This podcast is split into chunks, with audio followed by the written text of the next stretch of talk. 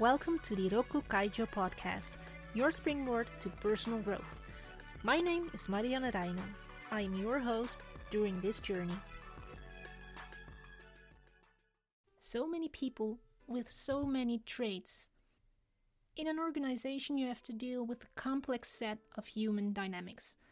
No matter how hard we try, conflicts can always happen. This is especially the case if there is stress in the workplace or a threat whether this is on a personal or a collective level. Regardless of how much experience you have, sometimes a choice is made for a short time goal and ego, like I have to prove myself right, instead of the long term goal, like we have to grow through this as a team. This can lead to conflicts. Conflicts can create different outcomes. For example, reduced creativity, slower and poorer decision making, and even fatal errors. How can we deal with conflict situations in a constructive way? In this episode, we'll zoom in on conflict management at work. We will take a direct approach and make we will take a direct approach and make use of practical tips which you can use immediately if necessary. My starting point is the work of Amy Gallo, contributing editor at Harvard Business Review. Today we'll discuss the first three of a total of seven principles for dealing with conflict situations in a constructive way. 1. Recognize that your vision is not the only possibility. Each of us has our own view on various topics. Each of us has specific values. What is okay for one person may be totally not done for another it is not very realistic to assume that everyone will always agree with each other or with yourself. Interestingly, when there are such differences of opinion, many people think that they themselves look at the situation very objectively and very correctly.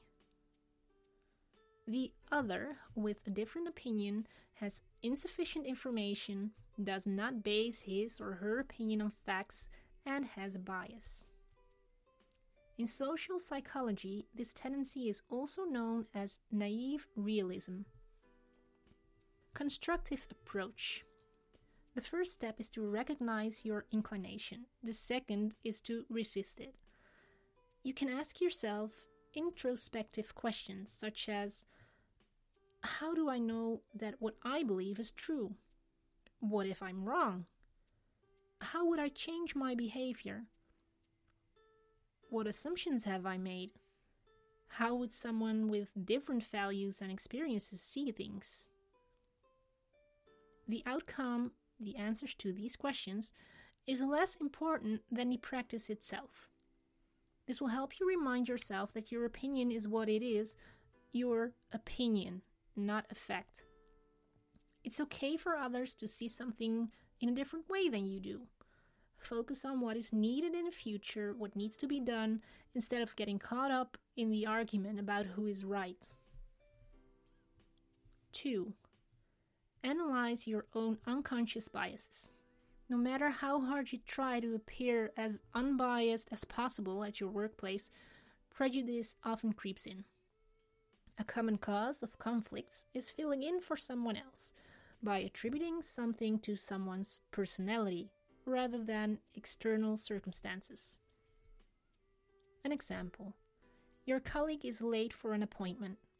You link that to the fact that this person has difficulties with planning and is disrespectful of other people's time. In the same situation, you yourself will look at the actual circumstances that led to the late arrival. For example, there was a huge traffic jam. Constructive approach.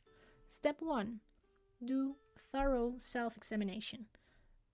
Step 2 Ask yourself the following questions What role could my biases play here?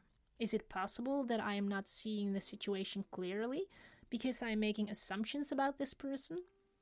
Am I perhaps unwilling to revise my first impression? Am I subconsciously focused on differences rather than on similarities?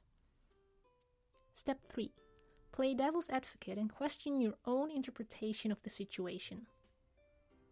Step 4 Ask someone you trust and who isn't afraid to tell you the truth to help you think about the ways you might not see the situation clearly. 3. Don't see the conflict as me versus the other, but as a problem that you have to tackle together. It's something human and it's very easy thinking in terms of me against you, us against them. One person is difficult, the other is not. One person is right, the other is not, etc. Constructive approach. Do not assume there are two, but three players in situation you, your colleague, and the dynamic between you. You can fill in the dynamics. It can be specific, such as a decision that has to be made or an assignment that you have to carry out together. It can also be general, permanent tension or even rivalry, skewed eyes following a failed project.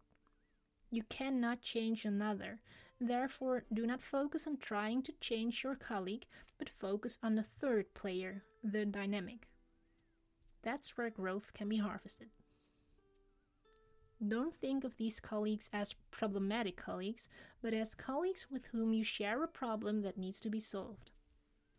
Summarized, the first three principles if you want to deal with conflict in a constructive way 1. Recognize that your vision is not the only option. 2. Analyze your own unconscious bias. 3.